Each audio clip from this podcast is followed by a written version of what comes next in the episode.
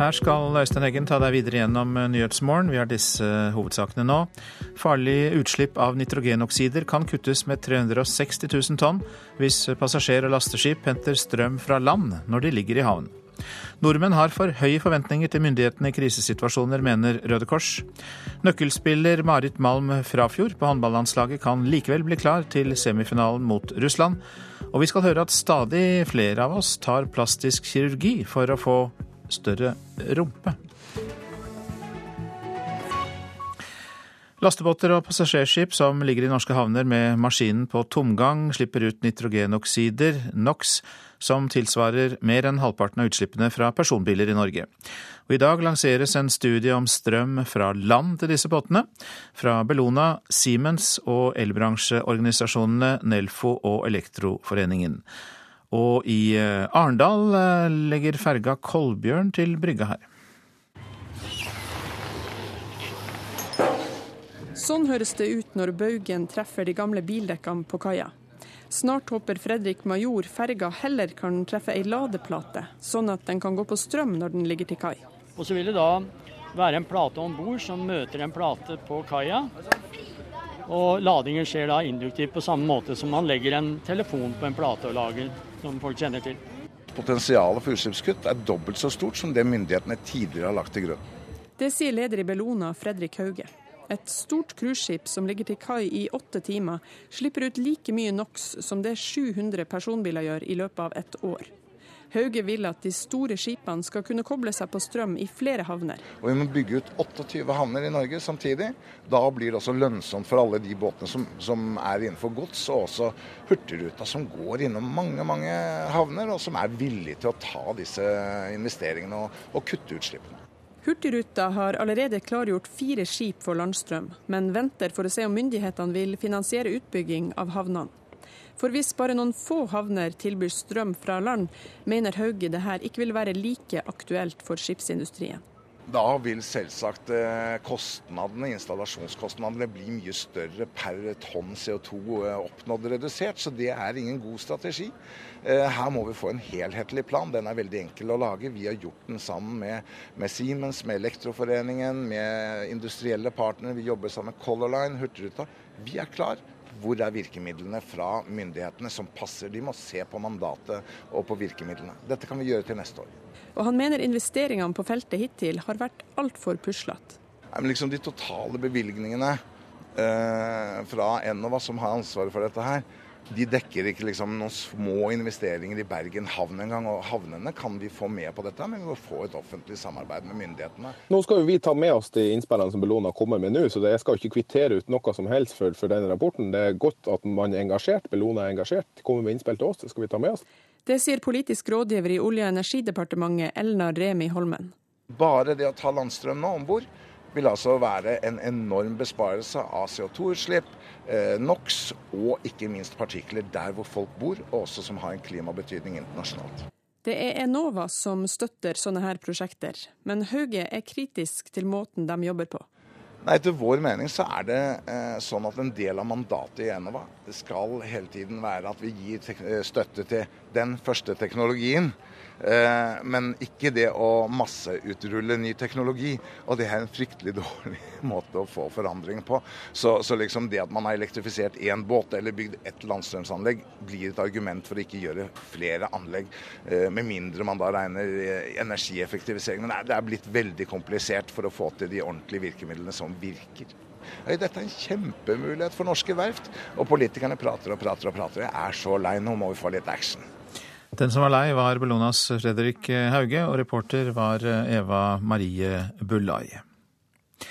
For mange nordmenn, mange nordmenn er for lite forberedt på kriser, mener Røde Kors. I dag overrekker organisasjonen en ny rapport om nordmenns personlige beredskap til statsminister Erna Solberg i Arendal der det altså er politiske møter denne uka. Du er også der, president i Røde Kors, Sven Mollekleiv. God morgen til deg. God morgen, god morgen. Men er det ikke bare rett og rimelig at vi har forventninger til myndighetene at de hjelper oss i en krisesituasjon? Jo, det er viktig, og beredskap er et felles ansvar. Myndighetene har ansvar for å tilrettelegge for at vi kan respondere når det skjer kriser. Men i tillegg til eh, det at myndighetene må både selv ta ansvar og tilrettelegge for et eh, godt samspill med de frivillige organisasjonene, så er det slik at også du og jeg er nødt for å kunne være bedre forberedt, kunne agere både ved mer naturkatastrofer. Det er altså mer flom, det er flere ras, det er sterkere vinder. Og vi må være forberedt også ved brann og eksplosjoner. Og da handler det om at du og jeg må ha lært oss eh, førstehjelp. Og det er flere som sier at de kan dette, enn de som rent faktisk har trent på det og i praksis vil være i stand til å agere når det kreves. Er det først og fremst førstehjelp det dreier seg om? Vi vet at det er et stort behov for førstehjelp. Hva eh, gjør du og jeg hvis vi ser at en faller om på gaten eller i, eh, på jobben eh, eller hjemme?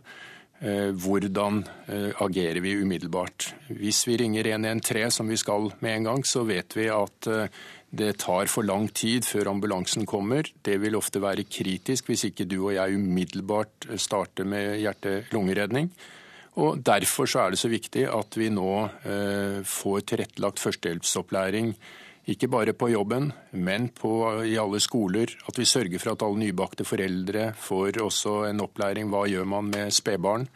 Og hvordan eh, ikke minst tilrettelegger vi for at eh, flere kan trene, slik at vi også eh, er forberedt når det skjer. Det handler også om å sørge for at flere blir blodgivere. Vi er gode på mye i Norge, men blod må gis, det kan ikke produseres. Og vi må stille opp i forhold til det.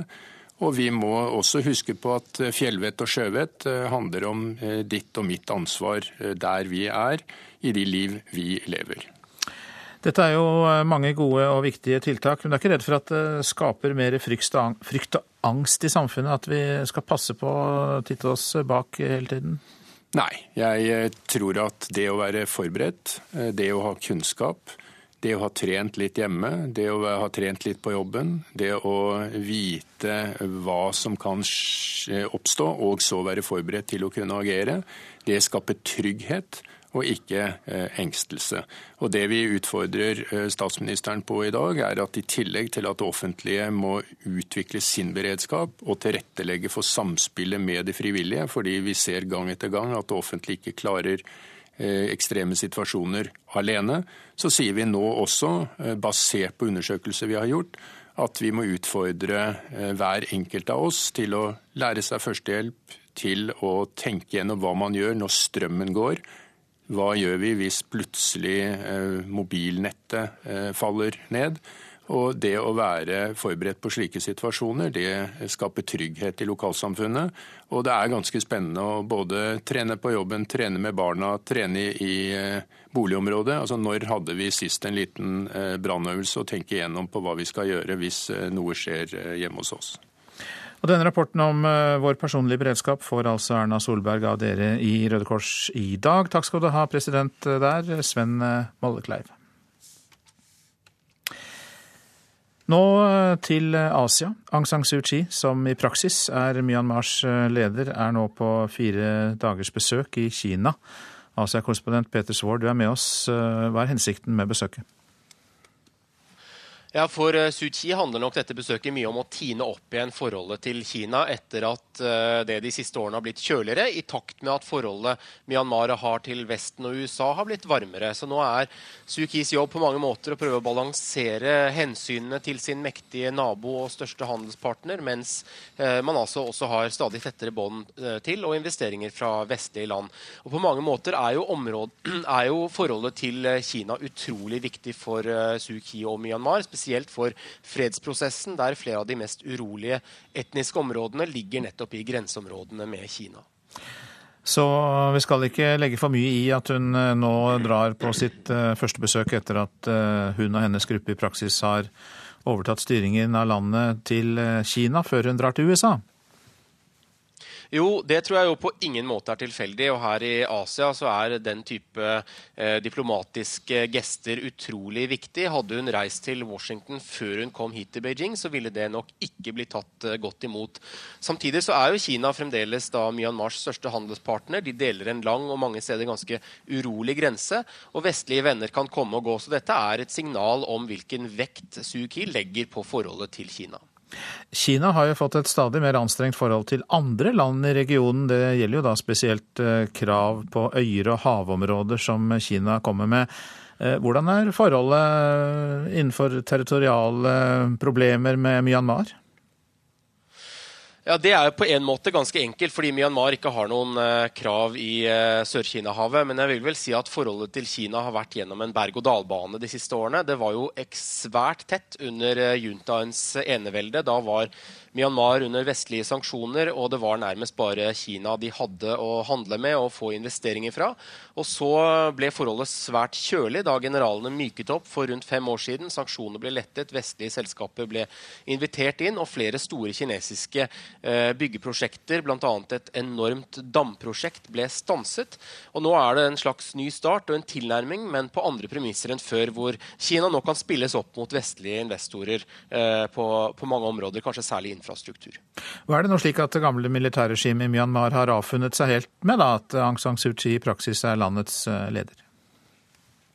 Nei, og det er jo heller ikke slik at Aung San Suu Kyi alene er landets leder. Hun er utenriksminister i en regjering der juntaen etter grunnloven fortsatt har direkte kontroll over forsvars-, politi- og sikkerhetsstyrker. Eh, og juntaen har vetorett over grunnlovsendringer. Så regjeringen i Myanmar er jo fortsatt en, eh, en slags hybrid av et militærstyre og en sivil regjering.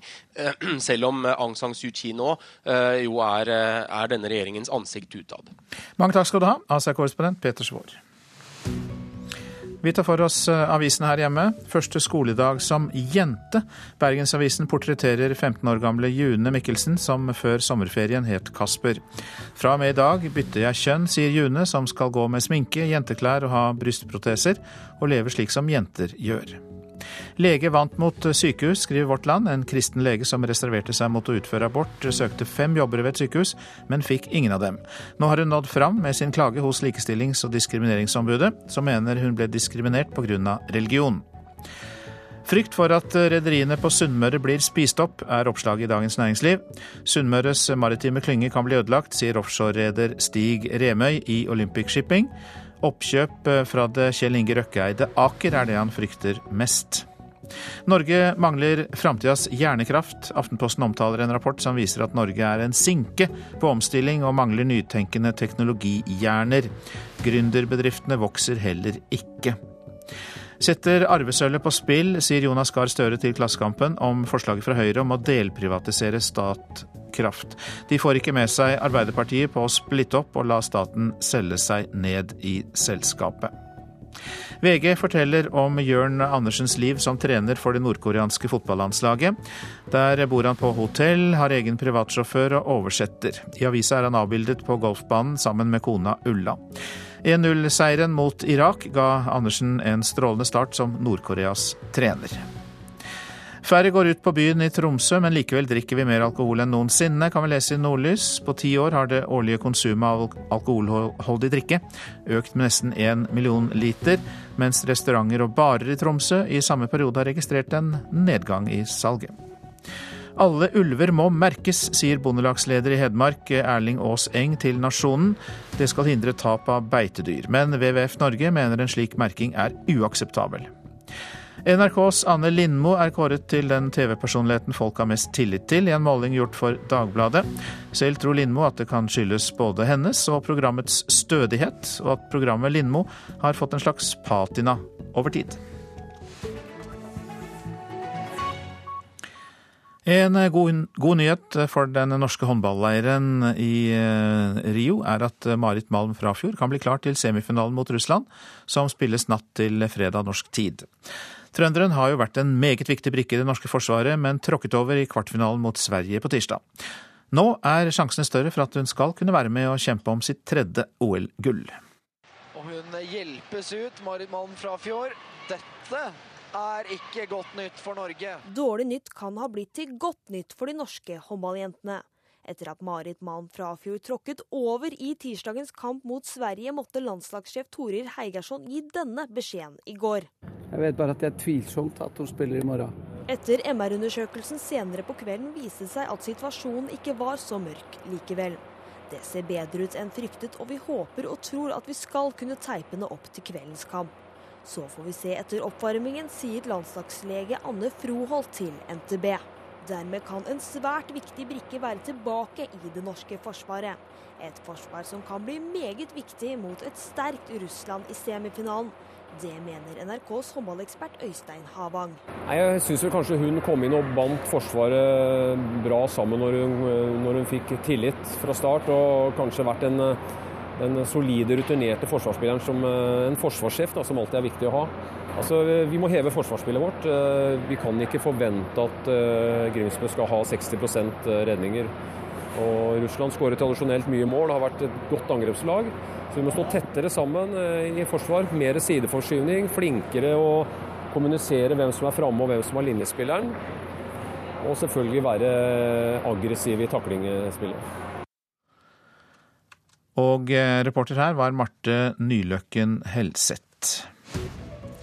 Dette er Nyhetsmorgen. Klokka har passert 6.49. Vi har disse hovedsakene. Bashar al-Assads fengsler tar flere liv enn IS. Hver måned dør 300 syrere etter brutal tortur og mishandling i syriske fengsler, viser rapport fra Amnesty International. Utslipp av nitrogenoksider NOx kan kuttes med 360 000 tonn hvis passasjer- og lasteskip henter strøm fra land når de ligger i havn, viser rapport fra Bellona og organisasjonen Samarbeidspartnere. 100 personer har fått behandling for multipel sklerose i utlandet. Grunnen er at Norge tilbyr stamcelletransplantasjon til svært få pasienter. Helseminister Bent Høie svarer i Nyhetsmorgen etter klokka sju. En av musikerne på årets kammermusikkfestival i Stavanger ble utsatt for massevoldtekt i Egypt under demonstrasjonene i 2012. Yasmin El Baramawi var den første kvinnen i Egypt som sto åpent fram om slike overfall. Men nå er hun altså i Stavanger, og festivalledelsen tok kontakt etter å ha sett en TV-dokumentar om henne. Like en drøm har gått i oppfyllelse for Jasmin El Baramawi. 33-åringen fra Egypt skal få spille med et helt orkester og andre enkeltmusikere på Kammermusikkfestivalen i Stavanger. Yes, the, the El Baramawi spiller på strengeinstrumentet od og sitter i den elegante foajeen og øver. Det er grått og høststille på fjorden utenfor, og avstanden føles enorm til det hun har opplevd. Det som er årsaken til at hun har havnet her på festivalen i Stavanger. The circle where they ran around me, I den NRK-sendte TV-dokumentaren 'Et hjerte som aldri dør' forteller El Baramawi om massevoldtekten hun ble utsatt for under de store demonstrasjonene på Tahrir-plassen i Kairo under den arabiske våren i 2012. En som så dokumentaren tidligere i år, var Jan Bjøranger, en av de kunstneriske lederne for Kammermusikkfestivalen og leder for orkesteret 1B1. Og hele, hele, denne historien og måten hun fremsto, hvilken ryggrad hun hadde og alt hun sa, gjorde et enormt sterkt inntrykk på meg. Og så begynte jeg å tenke er det noe som helst jeg kan gjøre her hvor jeg sitter?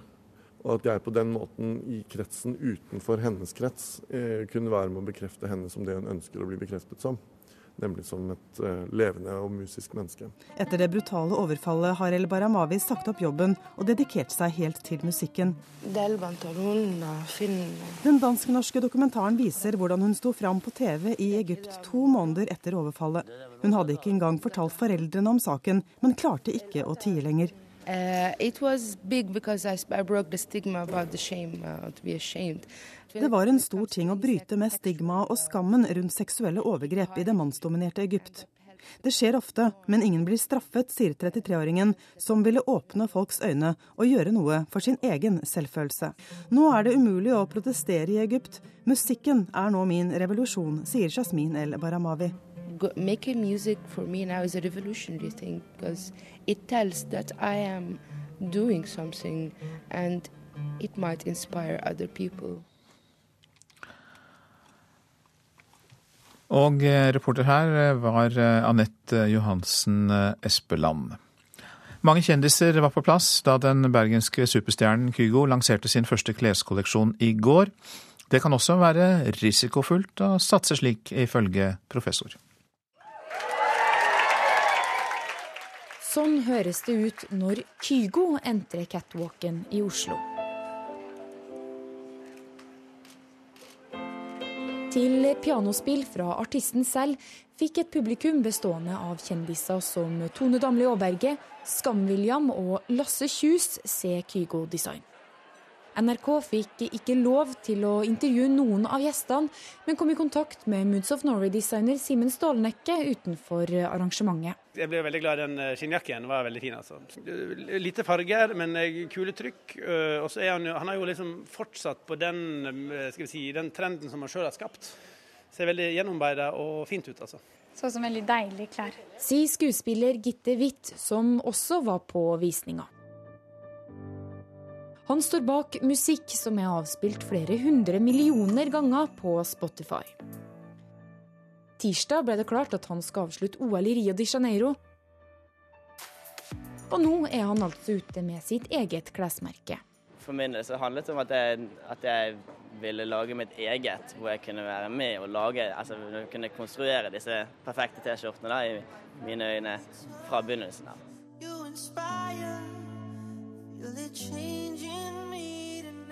Han er ikke den første artisten som starter med design. Kanye West, Rihanna, Victoria Beckham og Tiny Tempa er bare noen andre navn. Så dette her er en ganske vanlig strategi for vekst for merkevarer. Det her er professor i markedsføring ved BI, Bendik Samuelsen. Han mener Kygo nå tar en sjanse. I verste fall så kan jo artisten Kygo bli borte i alle andre Kygo-ting. Eh, nå får vi håpe at eh, Kygo selv står musikken nært og holder sin merkevare Tjernet nært knyttet til det. Og da vil dette burde kunne gå greit. Ja, selvfølgelig tenker jeg langsiktig. Men altså, musikken er hovedportrettet min. Altså, det er jo der, det er sånn det begynte, og det er det som fortsatt kommer til å være nummer én uansett hva som skjer. Reportere her, det var Marit Gjelland og eh, Odd Nytrøen. Stadig flere tyr til eh, kosmetisk kirurgi for å få større rumpe. Det kommer fram i en rundspørring NRK har foretatt blant private klinikker her i landet. Enkelte kirurger hevder at det er en eh, harmløs operasjon, mens andre nekter å utføre inngrepet fordi de frykter farlige komplikasjoner. En perfekt rumpe, det må jo være den du Nei, det var å spørre vanskelig. Veltrent. Eh, helt grei størrelse. Ikke flate. og flate rumpe, det får stadig flere fiksa på. Så det vi gjør da, som du ser på henne, at uh, hvis det er overskudd av fett, da, sånn som på flanken her, så kan man fettsuge det på helt vanlig måte. Sånn at du ser at det svinger litt inn. Og overskuddet av det fettet, da, det fyller man da i rumpa. Det sier overlege ved Stavanger plastikkirurgi, Christian Tiller. Flere nordmenn enn noen gang tyr til kosmetisk kirurgi for å få større rumpe.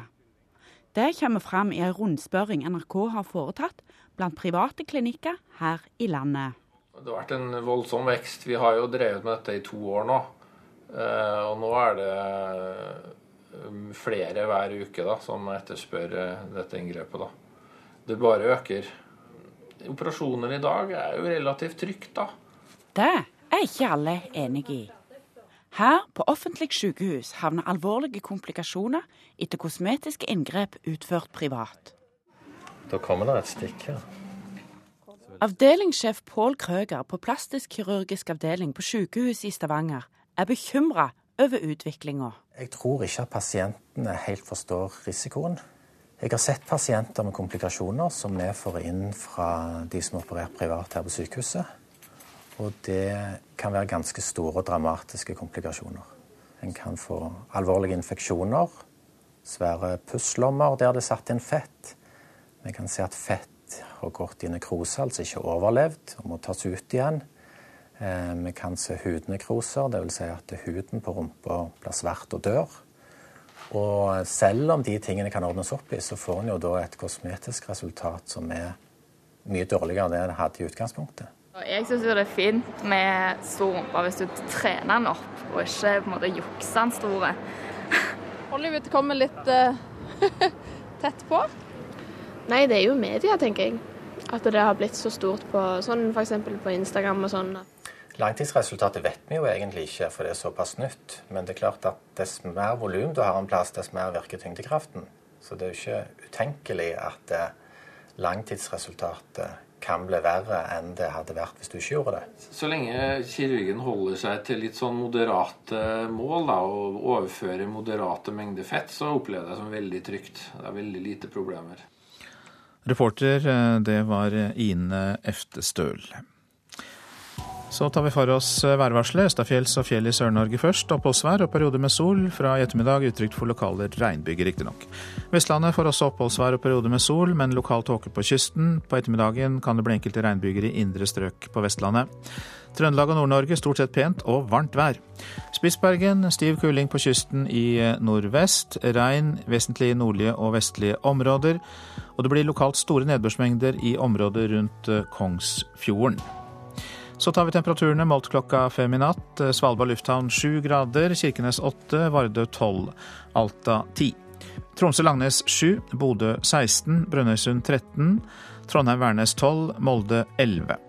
Bergen-Flesland og Stavanger begge med 12, Kristiansand-Kjevik 15, Gardermoen 11, Lillehammer 15, Røros 8 grader, og på Oslo-Blindern var det 14 grader klokka fem.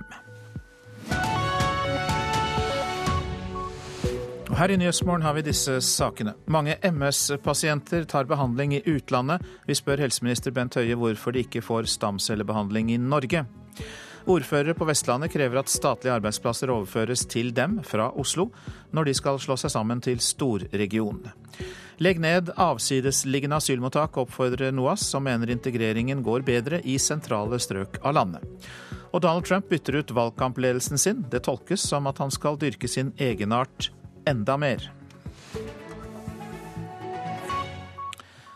Rundt 100 personer har reist fra Norge til utlandet for å få behandling for multipel sklerose de siste årene. I tillegg står 40 pasienter på venteliste ved utenlandske behandlingssteder, ifølge MS-forbundet. Grunnen er at Norge tilbyr stamcelletransplantasjon til svært få pasienter. Da Silja Gaupseth Rykhus fikk MS-diagnosen, reiste hun til Moskva. Det at jeg må reise til Russland for å få gjennomført den behandlinga, det, eh, det, sier seg jo sjøl at er ingen grei avgjørelse å ta. Men hun bestemte seg for å reise. Turen gikk til Moskva for å få gjennomført en stamcelletransplantasjon. En behandlingsmåte vi også har her hjemme, men som svært få får benytte seg av. I løpet av de siste årene har 13 personer fått gjennomført slik behandling i Norge, ifølge informasjonsansvarlig i MS-forbundet, Olav Førde. Vi mener at det, det burde vært flere med MS som fikk behandlingen i Norge. Hvis vi sammenligner med Sverige, så har de behandlet 120. I Norge er tallet 13. Rundt 10 000 nordmenn er rammet av multipel sklerose, eller MS. Sykdommen angriper sentralnervesystemet, altså hjerne og ryggmarg. Det la en sånn lokk av usikkerhet. F.eks. vi, vi snakka om å bestille ferie en sommer. Og da var det sånn Ja, men kan vi det? For tenk hvis jeg er syk. I en uoffisiell undersøkelse MS-forbundet har gjort blant sine medlemmer, sier 180 personer at de ønsker å utføre en stamcelletransplantasjon. Og mange begynner å bli utålmodige. De er jo opprørt, og de mener jo at eh, man raskt må øke eh, tilbudet her i Norge. Det tar år å gjennomføre en sånn studie. Sier fagdirektør i Helse Vest Bård Christian Skjem. Men Helse-Norge er på vei. Det ventes en ny studie fra Haukeland sykehus i Bergen som skal undersøke hvor effektiv behandlingen er. Vi kan ikke starte behandling med betydelige bivirkninger og en viss risiko for alvorlige komplikasjoner uten at vi vet mer om dette faktisk er noe som er nyttig. Det vil være en stor interesse for og vilje til å få en slik studie opp og gå, gitt at den er god nok. Heidi, kan vi gå tur? Hæ? Ja, kan vi gå tur? Silja er ikke sikker på om daglige turer med hunden Balder ville vært en selvfølge uten behandlingen. I dag, tre år senere, er anestesisykepleieren tilbake i 100% jobb og har ingen symptomer på sykdommen. Du, jeg føler meg helt eh, fantastisk. Og det er, ikke noe, det er ikke noe sånn jeg prøver å legge på noe solskinnshistorie eller noe sånt. Det er rett og slett sannheten. Og eh, det var Anna Rydland Nærum som var eh, reporter eh, her. Helseminister Bent Høie, god morgen til deg. God morgen. Du er med oss fra studio i Arendal, der det jo er politisk uke. Og ja, hun reiste til Moskva, hun ble frisk av multipel sklerose. Kan vi være bekjent av at det må skje i Moskva i Helse-Norge? Nei, Jeg er glad for at eh, vi nå skal eh, starte opp et eh, omfattende studie på denne behandlingsmetoden i Norge, der flere pasienter òg vil få denne behandlingen i Norge. Men det er òg viktig å si at årsaken til at en gjør det, er jo at vårt kunnskapssenter har oppsummert den internasjonale forskningen og erfaringen fra denne behandlingsmetoden, og har konkludert med at effekten, og ikke minst langtidseffekten, bivirkninger, er ikke godt nok dokumentert til å kunne etablere dette som det som er den gjeldende behandlingen i Norge. Og Da er det sånn at vi i Norge har eh, klare krav til at når en setter i gang behandlinger som skal være den behandlingen som alle får, så skal det være eh, kunnskapsbasert. Det skal være dokumentert, dokumentert effekt. Men flere MS-pasienter vil få denne behandlingen òg i Norge, men da som en del av et studie, sånn at vi òg ikke bare kan forhåpentligvis hjelpe de pasientene, men at vi òg får ny kunnskap som gjør at vi kan eh, hjelpe flere pasienter òg eh, eh, riktig i framtiden. Ikke minst med tanke på hvilke pasienter som denne behandlingen hjelper for. Men kan det hende at vi er for nøye i Norge? Altså, Svenskene behandler jo langt eh, flere. De har forsket på det. Annen internasjonal forskning ligger bak. Kan vi ikke stole på den forskningen og så gi flere nordmenn den muligheten til å bli friskere? Jo, det er den forskningen eh, som òg eh, har lagt til grunn i Norge, som viser at langtidseffekten og spørsmål knytta til bivirkninger, som òg fagdirektøren her var inne på, ikke er godt nok klargjort at det kan bli det som eh, gjelder som en etablert behandling. Altså det, ja, hvorfor er det så stor forskjell på Sverige og Norge? Nei, eh, I Sverige òg er dette forskning. Eh, sånn at Det som er forskjellen, er at Sverige kom raskere i gang med forskningen. Her er det jo sånn at det er fagmiljøene som, som har ansvar for å fremme gode forskningsprosjekter. Men nå er det bestemt blant de fire helseregionene i Norge at dette skal etableres som et eh, omfattende forskningsprosjekt. og eh, igjennom skal da kvalitetssikres og bli et tilbud til flere pasienter i, i Norge.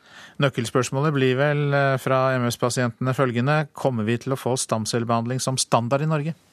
Ja, Det vil jo forskningen gi svar på. Hvis det er sånn at denne behandlingen gir varig gode resultater for de pasientene som skal ha behandlingen, så kommer det jo òg til å bli standardbehandling i Norge. Takk skal du ha, helseminister eh, Bent eh, Høie.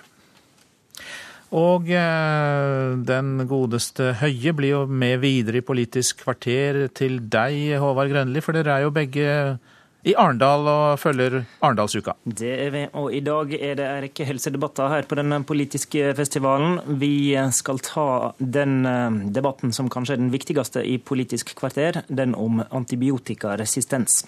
Og så skal det ikke minst handle om hvem som har den beste medisinen mot arbeidsløysa. Erna Solberg møter Jonas Gahr Støre. 7.45 i Politisk kvarter med Håvard Grønli. Oslo må gi fra seg mange arbeidsplasser dersom Vestlandet skal bli en ny storregion i framtida. Det mener ordførere på Vestlandet. I dag starter forhandlingene mellom Hordaland, Rogaland og Sogn og Fjordane om sammenslåing til en region med over én million innbyggere. Flere politikere vil ha statlige jobber ut av Oslo for å smøre reformen. Ordfører i Eid, Alfred Bjørlo, mener det må være et krystallklart krav. Hvis vi skal bygge sterkere regioner utover i landet, så må noe av det staten gir tilbake, være at faktisk eh, det enorme byråkratiet i Oslo-gryta også er villig til å gi fra seg og flytte kompetansemiljøet ut i landet. Sårt tiltrengte arbeidsplasser står på spill mange steder når forhandlingene i dag starter om en ny framtidig vestlandsregion. Sogn og Fjordane, Hordaland og Rogaland kan bli én region med over én million innbyggere. Vedtak kan komme alt i oktober, men først må politikerne bli samde om hvor arbeidsplassene skal ligge. Bjørlo mener staten bør bidra med sitt gjennom å flytte ut statlige arbeidsplasser fra Oslo til Vestlandet. I en hovedstad som nå koker over både på boligmarkedet, trafikk og alt som er, så er jo dette tida nå for å bruke kompetansemiljøer, bruke sterke regioner som Nordfjord, der næringslivet går som det suser. Vi har kapasitet til å ta imot både flere folk, nye arbeidsplasser. Og denne tankegangen må vi bruke tungt både fra Sogn og Fjordane og hele Vestlands side i månedene framover. Stortinget har bedt fylkeskommunene om å vurdere å slå seg sammen. På samme tid har samarbeidspartiene på Stortinget blitt samde om å flytte ut flere statlige arbeidsplasser fra Oslo. Fylkesordfører i Sogn og Fjordane, Jenny Følling fra Senterpartiet, ser gjerne at staten nå tar skikkelig i. Ja, Nå har jo de som målsetting at det skal flyttes ut eh, statlige arbeidsplasser. Det vil òg være et viktig tema, at en får flytta òg arbeidsplasser til Sogn og Fjordane. Fordi at det vil være med å få en bedre balanse i arbeidsmarkedet. Og flere ordførere er samde i kravet. Sp-ordfører Jan Geir Sodheim i Lærdal og Høyre-ordfører Frida Melvær fra Askvoll frykter regionreformen vil gjøre at viktige jobber forsvinner fra distriktene. Skal en sånn reform virke, så må staten virkelig på tilbudssiden. Vi må få noe som virkelig monner. Her bør det stå i hop. Så er det òg viktig at Sogn og Fjordane er tydelige for hva vi ønsker og hva slags krav vi skal ha. Og regjeringa er på tilbudssida. Statssekretær i Kommunal- og moderniseringsdepartementet Kristin Holm Jensen fra Høyre lover utflytting av jobber, uten å si hvor mye hovedstaden må blø. Det er klart at eh, Hvis man bygger sterkere regioner og sterkere kompetansemiljøer, så er det også lagt godt til rette for at man kan ta ansvar for flere statlige oppgaver. Den muligheten regionene nå har, den bør de benytte seg av, eh, også av den grunn. Reporter var Asgeir Heimdal Reksnes. Klokka har passert 7.13. Dette er uh, hovedsaker. 100 personer har fått behandling for multipel sklerose i utlandet. Grunnen er at Norge tilbyr stamcelletransplantasjon til svært få pasienter. Helseminister Bent Høie sa her i Nyhetsmorgen for få minutter siden at vi må forske mer på dette før det kan bli standard her i landet. Utslipp av nitrogenoksider NOx kan kuttes med 360 000 tonn hvis passasjer- og lasteskip henter strøm fra land når de ligger i havn, ifølge tall fra Bellona. Det tilsvarer mer enn halvparten av utslippene fra personbiler i Norge. Bashar al-Assads fengsler tar flere liv enn IS. Hver måned dør 300 syrere etter brutal tortur og mishandling i syriske fengsler. Mer om det snart i Nyhetsmorgen.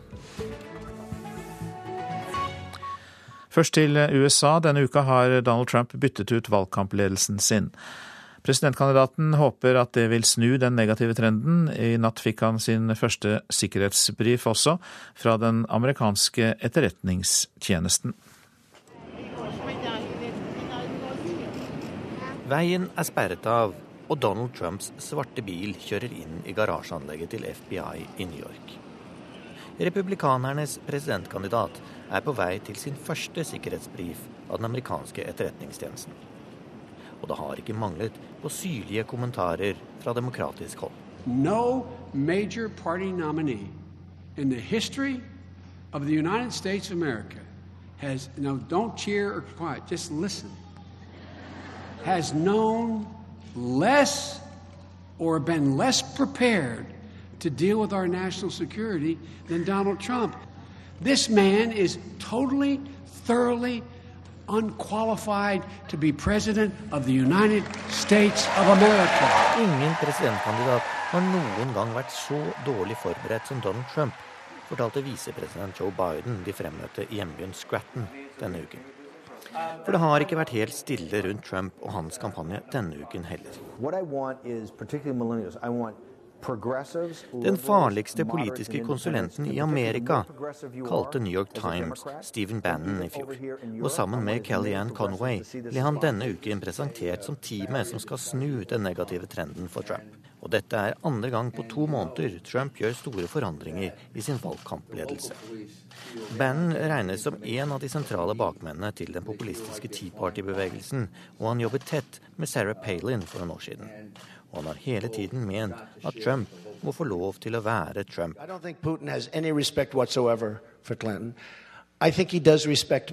Så de som håpet at mange milliardæren fra New York skulle bli litt mer presidentaktig, må kanskje vente litt til.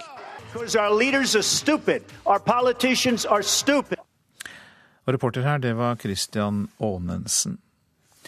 Den siste tida har vi hørt om mange bilbranner i Sverige. Siden begynnelsen av juli har over 70 biler blitt påtent, og mange av dem i Malmö. Reporter der, Tormod Strand. Har det vært bilbranner i natt? Nei, i natt har det ikke, eh, så vidt vi har brakt på det rene, vært noen bilbranner. Politiet har jo satt inn enorme ressurser, helikoptre og droner og MC-patruljer i jakten på de som tenner på. Så det, det kan ha hindret nye branner i natt. Vet man noe om hvem som står bak? Nei, politiet eh, sier lite om det. Men, men, journalister og ungdommer som eh, vi har snakket med i natt, de sier at eh, det er gjenger fra de innvandrertette områdene som Rosengård som, som trolig eh, står bak dette. Men hva er det uttrykk for? Det virker jo fullstendig umotivert å gå rundt og tenne på biler? Ja, eh, og politiet vil ikke si noe om eh, mulig motiv. Men, men eh, NRKs kilder eh, sier dette eh, trolig er kriminelle ungdommer som vil markere overfor politiet at det er de som har makten i disse innvandrertette områdene, ikke politiet. Eh, og at målet kan være å skremme politiet fra å, fra å gripe inn overfor narkotikatrafikken, som er stor i disse områdene. Det er én teori som, som verserer. Men, men eh, noe, noe, sikkert motiv her vet vi altså foreløpig ikke. Det at plutselig biler begynner å brenne i løpet av natten er jo vanskelig å gjøre noe med. Hva gjør svenske myndigheter for å prøve å få bukt med dette? Ja, som sagt, De har satt inn store ressurser. Eh, og, og, dette har fått stor politisk oppmerksomhet i eh, Sverige. Eh, det er klart Politisk for, for statsminister Löfven så er, det, så er det vanskelig å tolerere at biler brenner og at åpenbart jeg, dette fortsetter å og, og, lite bli gjort. sånn at Det er nå satt inn store ressurser på å gripe inn. Så, så det kan Og det er, som du sa selv, det er jo ikke bare i Malmö dette skjer, det skjer jo over hele Sverige. Så mm, det er klart det er et godt tegn at ikke det brant biler i natt. Det kan være slutten på det. Men det er få som tror at på sikt så, så, så vil dette forhåpentligvis være over. Mange takk for at du oppdaterte oss eh, fra Malmö. Vår reporter der, Tormod Strand. Nå igjen til Syria, for Bashar al-Assads fengsler tar flere liv enn IS. Hver måned dør 300 syrere etter brutal tortur og mishandling i syriske fengsler. Det viser en rapport fra Amnesty International. Over 17 000 er drept i syriske fengsler i løpet av de siste fem årene. Syrere som har vært fengsla, forteller om systematiske trusler, tortur og voldtekter. Amnesty har intervjua 65 personer som har vært fengsla. De behandler oss som dyr, forteller en av dem i rapporten. Flere fanger forteller om en såkalt velkomstfest der de blir banka og slått av fangevokterne. De forteller om torturmetoder som korsfestelse og elektrosjokk, og at fanger blir hengt fra taket og slått i timevis. Cellene er små og sykdommer florerer i fengselet. Voldtekter og seksuelle misbruk er også en del av hverdagen. Rundt ti personer dør av mishandlingene hver dag, og organisasjonen mener de ansvarlige for de bruddene på menneskerettigheten må stilles for Den internasjonale straffedomstolen sa reporter Tanita Kveino. Så tar vi for oss eh, avisene her hjemme. Første skoledag som jente. Bergensavisen portretterer 15 år gamle June Mikkelsen, som eh, før sommerferien het Kasper. Fra og med i dag bytter jeg kjønn, sier June, som skal gå med sminke, jenteklær, ha brystproteser og leve slik som jenter gjør. Lege vant mot sykehus, eh, skriver Vårt Land. En kristen lege som reserverte seg mot å utføre abort, søkte fem jobber ved et sykehus, men fikk ingen av dem. Nå har hun nådd fram med sin klage hos Likestillings- og diskrimineringsombudet, som mener hun ble diskriminert pga. religion. Frykt for at rederiene på Sunnmøre blir spist opp, er oppslaget i Dagens Næringsliv. Sunnmøres maritime klynge kan bli ødelagt, sier offshorereder Stig Remøy i Olympic Shipping. Oppkjøp fra det Kjell Inge Røkke-eide Aker er det han frykter mest. Norge mangler framtidas hjernekraft. Aftenposten omtaler en rapport som viser at Norge er en sinke på omstilling, og mangler nytenkende teknologihjerner. Gründerbedriftene vokser heller ikke. Setter arvesølvet på spill, sier Jonas Gahr Støre til Klassekampen om forslaget fra Høyre om å delprivatisere Statkraft. De får ikke med seg Arbeiderpartiet på å splitte opp og la staten selge seg ned i selskapet. VG forteller om Jørn Andersens liv som trener for det nordkoreanske fotballandslaget. Der bor han på hotell, har egen privatsjåfør og oversetter. I avisa er han avbildet på golfbanen sammen med kona Ulla. 1-0-seieren mot Irak ga Andersen en strålende start som Nord-Koreas trener. Færre går ut på byen i Tromsø, men likevel drikker vi mer alkohol enn noensinne, kan vi lese i Nordlys. På ti år har det årlige konsumet av alkoholholdige drikke i byen økt med nesten én million liter, men restauranter og barer i Tromsø har i samme periode registrert en nedgang i salget av alkohol. Alle ulver må merkes, sier bondelagslederen i Hedmark, Erling Aas Eng, til Nasjonen. Det skal hindre tap av beitedyr, men eh, WWF Norge mener en slik merking er helt uakseptabel. NRKs Anne Lindmo er kåret til den TV-personligheten folk har mest tillit til i en måling gjort for Dagbladet. Selv tror Lindmo det kan skyldes både hennes og programmets stødighet, og at eh, programmet Lindmo har fått en slags patina over tid. Det er på tide å legge ned eh, avsidesliggende asylmottak. Det mener Norsk organisasjon for asylsøkere, NOAS. Da strømmen av asylsøkere var på sitt høyeste i fjor, ble mange mottak opprettet i små bygder. Men nå er det på tide å flytte asylsøkerne til mer sentrale områder, slik at integreringen går bedre. Det mener Jon Ole Martinsen, seniorrådgiver i NOAS. Når vi fikk denne situasjonen med veldig mange ankomster på kort tid, eh, så var det nok fokuset først og fremst å få tak over hodet til de som kom. Og når vi nå da ser nettopp at det har vært en stor reduksjon av antall asylankomster, når man får hodet over vann, så er det jo også viktig da at man unngår da at, eh, at eh, mottak som ikke er egnet, eh, blir brukt for lenge. Dette er Kvarv skole. I går fortalte NRK om 40 mindreårige asylsøkere i Sørfold som skal begynne på en skole uten en eneste medelev. De bor òg avsidesliggende til i bygda Røsvik. Ordfører Lars Evjent sier kommunen aldri ønsker et mottak her, ettersom det gjør integreringa vanskelig. Det er 20 km til nærmeste butikk. Eh, der er dårlig kollektivtilbud, og der er lite ungdommer på den alderen som disse flyktningene, eh, den aldersgruppa flyktninger tilhører. Ved nyttår går flere av leieavtalene UDI har inngått ut. Da skal det vurderes hvilke mottak som skal legges ned. Men prisen spiller en viktig faktor, innrømmer regiondirektør Bjørn Frittfeldt. Ja, det er klart pris er viktig, men den betyr ikke alt. Et mottak som leverer god vare og, eh, men koster litt mer enn et mottak som leverer dårlig vare, eh, da, da vil det si seg sjøl at vi beholder det mottaket som vi syns vi får mest igjen for. Men det er ikke godt nok for NOAS. Martinsen mener det vil koste samfunnet mer på sikt hvis man velger å beholde mottak hvor asylsøkerne blir isolert. Integreringshensynet eh, bør veie tungt i forhold til hvilke mottak man velger å beholde, og hvilke mottak som man legger ned. Reporter her, det var Øystein eh, Nygård. Det er eh, forsinkelser og innstillinger i togtrafikken mellom Oslo lufthavn på Gardermoen og Oslo sentralstasjon. Årsaken er en feil på signalanlegget i Romeriksporten. Flytoget og regiontog går dermed utenom tunnelen, de går altså via hovedbanen. Jernbaneverket må inn med arbeidstog for å rette feilen, og er eh, usikre på hvor lang tid det vil ta. Flere lokaltog er innstilt. Det er pause i meklingen for havnearbeiderne. Fristen for å komme til en løsning gikk utover midnatt, men etter å ha meklet på overtid utover natta, så ble partene enige om å ta en pause. Det blir innkalt til videre mekling så fort eh, det er mulig, opplyser Riksmeklerens kontor. Dersom partene ikke blir enige, tas 239 eh, ansatte ved til sammen 22 havner ut i streik. Flere får nå lærlingeplass i Trøndelag. Nå står riktignok 350 av søkerne uten plass, men køen var nesten dobbelt så lang i fjor. Aktivt arbeid for å rekruttere flere lærebedrifter har gitt resultater. Den.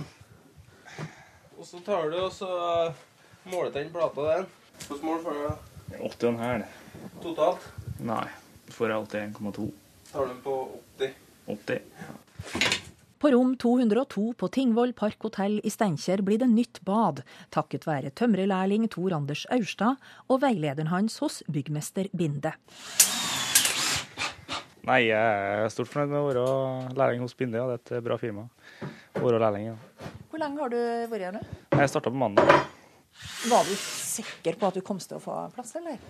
Jeg var ikke sikker, nei, men eh, når jeg gikk skole, da, så var jeg utplassert her eh, de to periodene. Og da fikk jeg gode tilbakemeldinger.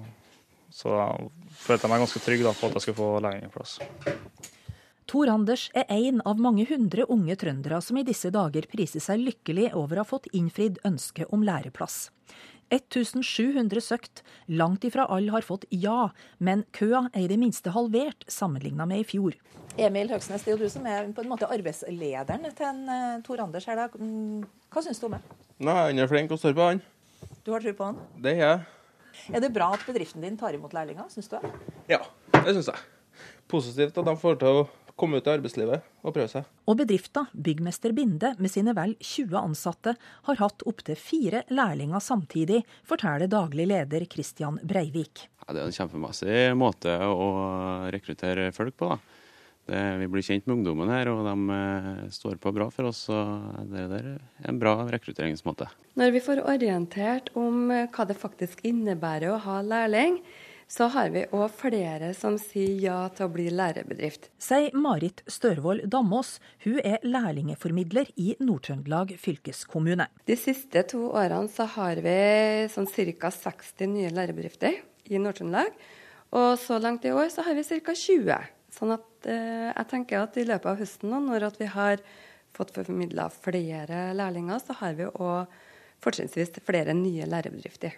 Verden går altså framover, og byggmester Binde har for sin del bare positive erfaringer med lærlingene. Jeg har kjempegod erfaring. Det er trivelig ungdom og arbeidsomme folk. Hva vil du si til bedrifter som er skeptiske til å ta imot lærlinger? Jeg syns ikke det er noe å være skeptisk til. Det, jeg må bare tørre å hive seg ut det. Eh, ta sjansen. Tor Anders Aurstad oppfordrer for sin del alle som vil ha læreplass, til å stå på skikkelig sjøl. Vis at du er interessert og at du er villig til å stå på. Stå opp om morgenen og komme på arbeid rett tid og smile og ja, ete frokost og det er opplagt for dagen.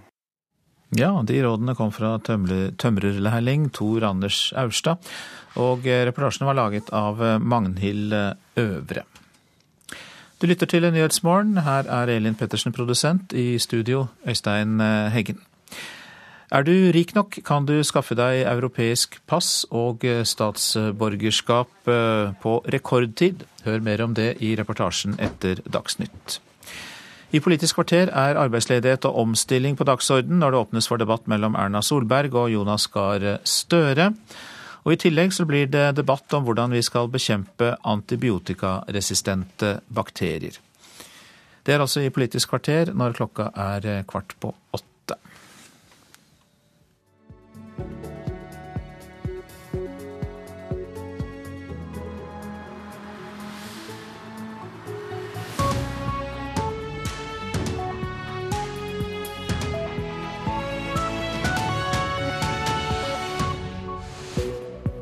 Her i Nyhetsmorgen fortsetter vi med disse sakene. Donald Trump eh, bytter ut valgkampledelsen sin. Det tolkes som at han skal dyrke sin egenart enda mer. Regjeringen må investere 1,4 milliarder kroner for å skaffe strøm til skip som ligger i norske havner, mener Bellona. Staten må ta en større rolle i arbeidet med å gjøre Norge mindre oljeavhengig. Det mener Arbeiderpartiet. Og vi får også høre mer om stamcellebehandling for MS-pasienter her i Nyhetsmorgen. Så starter vi med valgkampen i USA, for Donald Trump har gjort store endringer i sin valgkampledelse. I går fikk også den republikanske presidentkandidaten sin første oppdatering av hemmelig informasjon. Det har ikke manglet på kritiske røster og advarsler mot hvor farlig den republikanske presidentkandidaten er for USAs sikkerhet. Veien er sperret av, og Donald Trumps svarte bil kjører inn i garasjeanlegget til FBI i New York. Republikanernes presidentkandidat er på vei til sin første sikkerhetsbrief av den amerikanske etterretningstjenesten. Og det har ikke manglet på syrlige kommentarer fra demokratisk hold. No major party nominee in the history of the United States of America Ingen presidentkandidat har noen gang vært så dårlig forberedt som Donald Trump, fortalte visepresident Joe Biden de fremmøtte i hjembyen Scratton denne uken. For det har ikke vært helt stille rundt Trump og hans kampanje denne uken heller. Den farligste politiske konsulenten i Amerika kalte New York Times Stephen Bannon i fjor. Og sammen med Kellyanne Conway ble han denne uken presentert som teamet som skal snu den negative trenden for Trump. Og dette er andre gang på to måneder Trump gjør store forandringer i sin valgkampledelse. Bannon regnes som en av de sentrale bakmennene til den populistiske Tea Party-bevegelsen, og han jobbet tett med Sarah Palin for noen år siden. Og han har hele tiden ment at Trump må få lov til å være Trump. I don't think Putin has any respect whatsoever for Clinton. I think he does respect me. Så de som håpet at mangemilliardæren fra New York skulle bli litt mer presidentaktig, må kanskje vente litt til. Det sa reporter Christian Aanensen. Og velkommen hit, Hilde Restad. God morgen. Du jobber jo som førsteamanuensis i freds- og konfliktstudier ved Bjørknes høgskole. Ja, hvordan tolker du de endringene som er gjort i valgkampledelsen til Donald Trump? Det er jo litt morsomt fordi at eh, nyheten er liksom at Donald Trump eh, omorganiserer sin valgkamporganisasjon sånn at han kan være mer Donald Trump. Men det er vel ingen som føler at han har vært noe mindre Donald Trump i det siste. Eh, og det er jo gjerne det man, man sier i USA og blant de politiske analytikerne, at man har ikke kanskje merka så mye til at Trump var noe mer moderat eller eh, vendte seg inn mot sentrum. Så, men eh, kanskje får vi se enda mer Trump-Trump nå, etter det her har skjedd? Mer av samme medisin. Det kan jo bli en overdose. Med ditt kjennskap til USA, hvordan vil amerikanerne reagere? Det er jo en konsensus om at Trump, som den personen han har vært hittil, ikke kan appellere til nok velgere. At han ikke kan vinne et flertall med å være såpass ekstremt ute på høyresida som han er. Men nå sier jo da Trump at nå skal han være den han er, og går det, så går det. Går det ikke, så går det ikke. Så det her blir jo en fin test på hvor langt ute til høyre man kan være for å eventuelt vinne eller ikke vinne et presidentvalg. De han nå setter inn på toppen i valgkampledelsen, hvilke personer er det? Det er særlig Steve Bannon er jo da kjent for å ha jobba for Breitbart News, som er et, en nyhetsorganisasjon, som de kaller seg selv, på, på ytre høyre. De er ekstremt kritiske til det såkalte partieliten i det republikanske partiet, f.eks. Eh, og vi vet jo at Trump hadde et veldig vanskelig forhold til partilederne i det republikanske partiet, så det her gjør det jo ikke noe bedre. Eh, og så har jo Trump fått hemmeligstemplet informasjon. Eh, det er en brifing som alle kandidater får når de har kommet så langt i valgkampen. Eh, men eh, også det har jo blitt eh, kritisert. Men eh, det er vel egentlig helt vanlig at de får? Det er helt vanlig at de får. Og det er klart at Det republikanske partiet har jo slått tilbake og sagt at men Hillary Clinton var jo ikke noe forsiktig med gradert informasjon når hun var utenriksminister, så hun burde ikke få det heller. Hvor høygradert etterretningsmateriale er det de får, tror du? Ja, du, det, Jeg får ikke den briefinga, så det, det, vet jeg ikke. Men det har jo vært interessante eksempler på eh, sjokkerende oppdagelser ved når man endrer fra president til president. Harry Truman eksempel, visste jo ikke at USA drev utvikla atomvåpen når han tok over fra Franklin Roosevelt. Så jeg vet ikke hvilken type overraskelser de får i de her briefingene. Noen dype hemmeligheter kan det altså være. Uh, nå uh, har vi altså nevnt disse nye valgkamplederne, og vi kan vel si at uh, Trump har hatt problemer på meningsmålingene. Så hvis ikke de meningsmålingene er rav, riv rav, ruskende gale alle sammen, så, så ligger han dårligere an. hva tror du kan svekke Clinton og gjøre det enklere for Trump? eventuelt en såkalt October Surprise, kanskje et stort terrorangrep i USA. Eh, eventuelt en radikal endring nedover i økonomiske indikatorer. Eh, fordi Clinton står jo for det samme som Obama står for. Så hvis det er noe som reflekterer negativt på, status quo, så vil det selvfølgelig gå i Trumps favør. Men samtidig så har han jo en tendens til å ødelegge for seg sjøl. Så jeg, vi må bare følge med fremover. Men kan Clinton, Hillary Clinton ødelegge mer for seg selv? Altså tenker jeg på disse e-postskandalene som har vært så mye omtalt. Er den saken etter hvert lagt død, virker, bortsett fra ja, for Trump? Det virker som at den er lagt død, i hvert fall i, forhold til det lovmessige. FBI har anbefalt at man ikke skal anklage henne for noe. Det republikanske partiet vil selvfølgelig fortsette å prøve å slå mynt på det. Men jeg vet ikke hvor mye kanskje velgere bryr seg om det lenger. Takk for den oppdateringen, Hilde Restad, som er førsteamanuensis ved Bjørknes høgskole. Nå om eh, situasjonen i Syria. For hver måned dør 300 syrere etter brutal tortur og mishandling i syriske fengsler. Det er en rapport fra Amnesty som viser det. Over 17 000 er drept i syriske fengsler i løpet av de siste fem år, forteller politisk rådgiver i Amnesty, Gerald Folkvår. Altså, dette har tatt fullstendig av, og det er helt åpenbart at det i all hovedsak uh, Assads uh, sikkerhetstjeneste som står ansvarlig for det. Det er altså mennesker som blir torturert og drept eh, av IS og av andre grupper i Syria, men det er i all hovedsak av det regjeringen som eh, bruker tortur systematisk for å undertrykke sivilbefolkningen. Syrere som har vært fengsla, forteller om systematiske trusler, tortur og voldtekter. Amnesty har intervjua 65 personer som har vært fengsla. De behandler oss som dyr, forteller en av dem i rapporten. Det er flere fanger som har fortalt til Amnesty, altså de som har kommet ut. På fengselet var det åpenbart fra første øyeblikk. Vi blir slått, vi blir mishandlet, vi blir holdt under grusomste forhold. og Det var tydelig at de prøvde å sile ut de svakeste med en gang. Og det var bare de tøffe som klarte å overleve dette fengselet. Flere fanger forteller om torturmetoder som korsfestelse og elektrosjokk, og at fanger blir hengt fra taket og slått i timevis. Rundt ti personer dør av mishandlingene hver dag, og organisasjonen mener de ansvarlige for de bruddene på menneskerettigheten må stilles for Den internasjonale straffedomstolen. Dette er veldig alvorlige forbrytelser, og det finnes ingen unnskyldning for dem. Og det skal ikke finnes noen skjulested i verden for mennesker som er ansvarlig for den type grusomheter. Og reporter her var Tanita Kveinå. Rundt 100 eh, personer har reist fra Norge til utlandet for å få behandling for multipel sklerose, MS, de siste årene. I tillegg står rundt 40 på venteliste ved utenlandske behandlingssteder. Alt dette ifølge MS-forbundet. Grunnen er at Norge tilbyr stamcelletransplantasjon til svært få, og andre får eh, tilbud om lindrende behandling. Da Silja Gaupseth Rykhus fikk diagnosen MS, reiste hun til Moskva. Det at jeg må reise til Russland for å få gjennomført den behandlinga, det sier seg jo sjøl at det er ingen grei avgjørelse å ta. Men hun bestemte seg for å reise. Turen gikk til Moskva for å få gjennomført en stamcelletransplantasjon. En behandlingsmåte vi også har her hjemme, men som svært få får benytte seg av. I løpet av de siste årene har 13 personer fått gjennomført slik behandling i Norge, ifølge informasjonsansvarlig i MS-forbundet, Olav Førde. Det burde vært flere med MS som fikk behandlingen i Norge.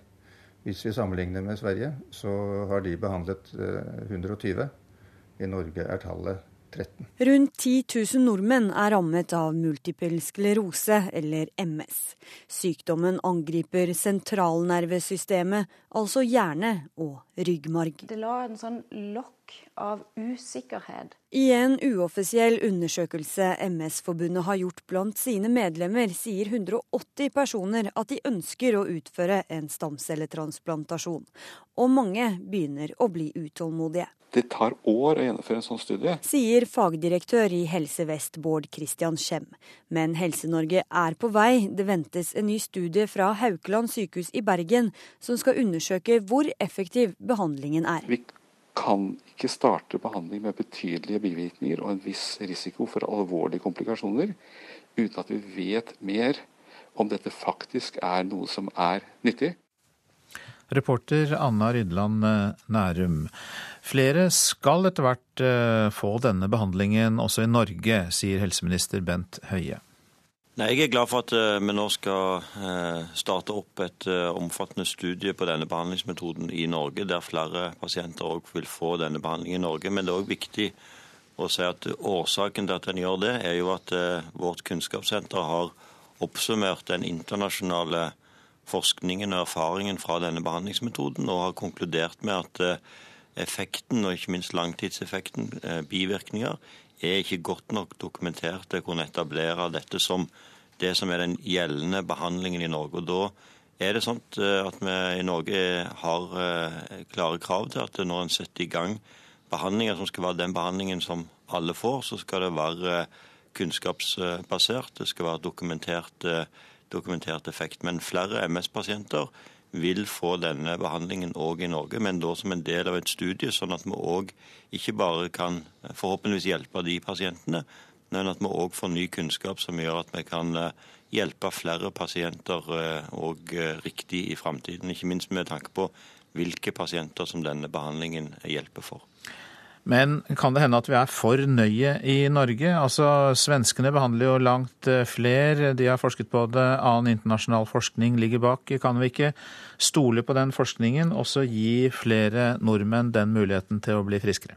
Jo, det er den forskningen eh, som òg eh, har lagt til grunn i Norge, som viser at langtidseffekten og spørsmål knytta til bivirkninger, som òg fagdirektøren her var inne på, ikke er godt nok klargjort at det kan bli det som eh, gjelder som en etablert behandling. Altså det, ja, hvorfor er det så stor forskjell på Sverige og Norge? Nei, eh, I Sverige òg er dette forskning. Eh, sånn at Det som er forskjellen, er at Sverige kom raskere i gang med forskningen.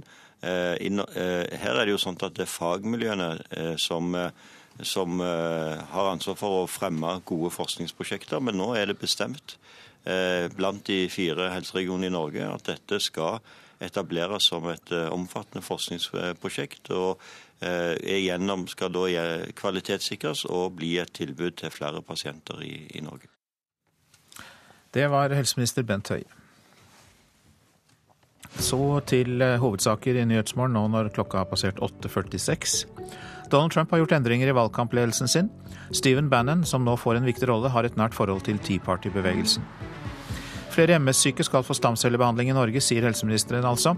Men bivirkninger og langtidseffekter er ikke godt nok dokumentert ennå, sier Bent Høie. Regjeringen må investere 1,4 milliarder kroner for å skaffe strøm til skip som ligger i norske havner, mener Bellona. Mer om det straks. Og halvparten av oss eh, frykter at vi ikke klarer å henge med i den digitale framtida.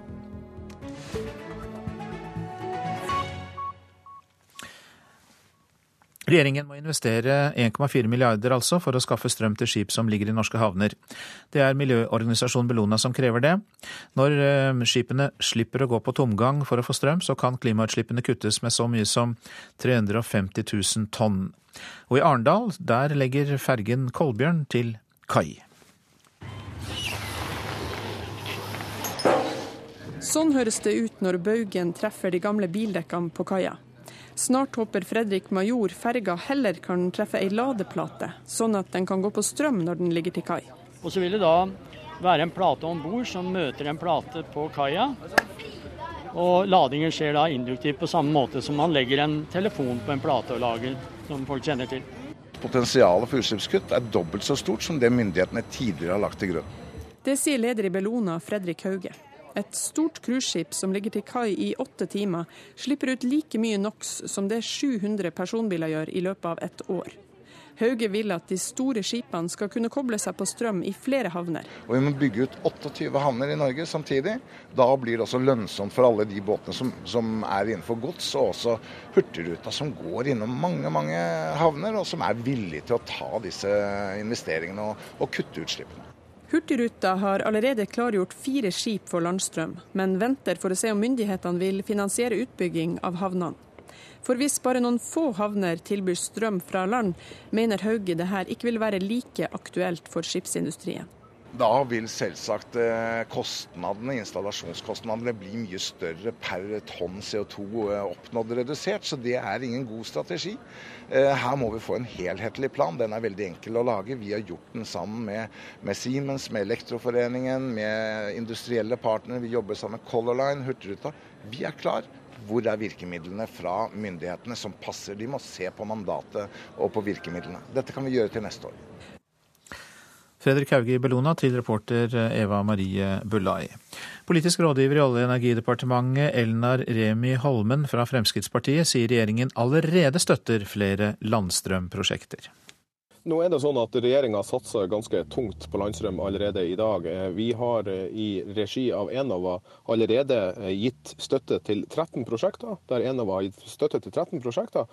Og nå er de i gang med en, en fase to, hvor også flere prosjekter kan søke innen utgangen av september. Så det er jo faktisk sånn at regjeringa jobber aktivt mot å sørge for at man kan ha gode virkemidler for å, for å realisere landstrøm rundt omkring der det, der det, kan være behov for det. Der, der du har cruisehavner, der du har andre typer fartøy som kommer inn, det, så ser vi det allerede i dag. Det sa altså Elna Remi Holmen fra um, Olje- og energidepartementet, der han er rådgiver. Staten må ta en større rolle i arbeidet med å gjøre Norge mindre oljeavhengig. Det sa Arbeiderpartileder Jonas Gahr Støre da han møtte statsminister Erna Solberg til debatt i Politisk kvarter i dag. Støre mener staten bl.a. kan støtte bedriftene bedre, men akkurat hvordan det bør skje, har ikke Arbeiderpartiet helt bestemt seg for. Vi må mer kraftfullt inn i bedriftene, og jeg tror at det krever en diskusjon om vi bruker den statlige muskelen nok. Ikke til at staten skal opprette arbeidsplassene eller være eh, den som eh, tilbyr jobbene. Hva det staten skal gjøre da? Den skal være mer aktivt i å støtte bedriftene i det teknologiske skiftet som kommer. Støtte dem med den infrastrukturen de trenger til å komme i gang. Når du besøker California og ser på hvordan de bedriftene eh, kommer i gang med ny teknologi, så er det det de kaller inkubatorer, altså støttesystemer til bedrifter som kommer i gang. I Norge så må staten spille en større grad av den rollen, bl.a. for å utvikle jobber knyttet til våre naturressurser. Større statlig rolle, Erna Solberg? Ja, Vi har jo en stor statlig rolle på innovasjon og på forskning og på støttebedriftene. Og Dette er jo noe av det vi har satset på, som vi kritiserte den forrige regjeringen for at de ikke gjorde, som denne regjeringen har satset på. Og Jeg er litt ukonkret det jeg hører fra Jonas Gahr Støre nå, hva det er mer. Men det er mange ulike tiltak, og vi kommer med flere tiltak hvert eneste år. Men Blir, det for, mye, blir det for mye stat med Støre? Eh, det det er ikke på dette området jeg mener det er for mye stat med Arbeiderpartiet. For på dette området mener jeg ikke at de satser. Hvis du ser på budsjettene deres, så er det jo arbeidsplasser i offentlig sektor de har prioritert. Ikke det å stimulere til arbeidsplasser i privat sektor. Det er kortsiktig, det er ikke langsiktig. Det langsiktige er at Norge i en omstillingstid trenger masse gode bedrifter basert på den kompetansen vi har i dag, men vi trenger også nye. Eh, da vi gikk av, så var Norge Eh, pekte som det sjette beste landet å, å, etablere bedrifter. Det ble skapt 360 000 arbeidsplasser i vår tid, to av tre i privat sektor. Så vi legger til rette for at privat sektor lykkes. Og der skal bedriften og nyskapingen skje. Det jeg sier er at det teknologiske skiftet vi står overfor, som gir store muligheter i alt fra eldreomsorg, sykehus til å løse oppgaver i bedriftene, kommer til å kreve en mer aktiv stat, som spiller på lag med bedriftene. Vi er ikke ferdig tenkt på alle de virkemidlene, men der kommer vi til å satse tyngre og på nye måter i forhold til hva vi har gjort før, for det trengs for å få de nye lange arbeidsplassene arbeidsplassene. Det å satse på offentlig sektor er klokt hvis det handler om å satse mer på lærere, mer på tidlig innsats for at ungene ikke faller fra, mer på yrkesfagløft, slik at vi har fagarbeidere som kan gjøre jobber i helsesektoren, i klimaskiftet, i, i møte med de, med de, voksne byene. Vil du løfte mer i den delen av offentlig sektor? Det blir regjeringsskifte, for det er jo disse tingene vi har satset på etter regjeringsskiftet. da. Det er jo derfor vi har satset på yrkesfag, det er jo derfor vi har satset på lærerkompetansen. Det er jo derfor vi har satset på innovasjon og nyskaping som ikke skjedde tidligere. Så egentlig Jonas Gahr Støre burde være glad for at vi kom inn i regjering, for vi fører jo den politikken du nå etterlyser på den omstillingen. Det, det er jeg glad for med denne regjeringen, at vi får anledning til å avløse den om ett år. Og programleder i Politisk kvarter fra Arendal var eh, Håvard eh, Grønli. Og dagens debatter under Arendalsuka er jo allerede i gang, selvfølgelig. Reporter Eva Marie Bulai, hva diskuteres i dag? Jo, det er mange muligheter i dag. Man kan eh, være på frokostmøte om integrering. Man kan gå på verdensrekordforsøk i presseetikk. Her, her diskuteres Nav-reformen ti år etter. Barn og alkohol. Og så er det frokostmøte om havrommet. Men jeg har i dag valgt å gå på et møte om integrering, og det har vært ganske interessant. Her har vi hørt forsker forskere som har snakka om at Norge faktisk ikke er så dårlig til å integrere. Vi er blant uh, de beste i klassen. altså Hvis vi sammenligner oss med land som det er vanlig å sammenligne seg med, så er Norge blant de beste til å integrere folk og få dem fort i arbeid. Og Jeg har også fått hørt litt fra Grimstad, som faktisk fikk integreringsprisen i fjor. Uh, og de er veldig strenge f.eks. på at hvis folk kommer og går på uh, integreringsprogrammet, så blir de tatt ut. De får ikke lov å være tre uker ekstra på ferie. Det er ikke lov heller i arbeidslivet, sier de, og da er det ikke lov på integreringsprogrammet. Så de kjører en veldig klar linje og har veldig klar ansvarsfordeling i uh, kommunen. Så der sier forskerne at vi har mye å lære, fordi det er veldig store ulikheter i hvor gode kommunene er til å integrere flyktningene som kommer. Dette er vel eh, årets mest interessante uke for politisk eh, interesserte, og eh, det store høydepunktet under Arendalsuka kommer kanskje i kveld? Det kan du godt si. Altså, det har strømma på med folk, og spesielt mot i dag. Nå er alle hoteller fulle. Alt er opptatt av overnattingsplasser, for nå skal alle få med seg den store partilederdebatten som er i kveld. Den overføres jo direkte på TV, men det er veldig mange som vil være til stede her og få med seg den Og det er også veldig mye kniving blant politikerne om å få på saker i dag, for man vil gjerne ha med temaene sine inn i den store partilederdebatten. Dette er jo også et slags oppspark til eh, valg, eh, valgkampen, kan du si. Altså Vi har stortingsvalg neste år, og nå møtes alle partilederne og skal eh, profilere seg. og De får sikkert terningkast i avisene etter denne debatten. Da er de ute av startgropa. Takk skal du ha, Eva Marie Belay, som rapporterte fra Arendal. Nå skal vi høre at halvparten av oss frykter at vi ikke klarer å henge helt med i den digitale framtida. Det er tall fra Telenor som viser det, og de har sammen med Pensjonistforeningen holdt internettkurs for 100 seniorer nettopp under Arendalsuka, som vi hørte om nettopp. Mange unge er nervøse for det digitale, men det er flest eldre som er bekymret. Konrad Gundersen fra Arendal er en av seniorene som håper han kan lære mer nå. Nå skal jeg prøve å komme inn her, men det, det ser jo dårlig ut. Bak eventen under Arendalsuka ligger et mer alvorlig bakteppe. Tall fra Telenor viser at omtrent halvparten av oss frykter at den digitale fremtiden blir vanskelig. Jeg syns det er veldig veldig høyt. Alarmerende høyt. Det sier administrerende direktør i Telenor, Berit Svendsen. Det må vi gjøre noe med. Vi står i fare for at noen få kommer til å utnytte de nye mulighetene. Og så blir resten av oss hengende etter. Teknologien skal være tilgjengelig for alle.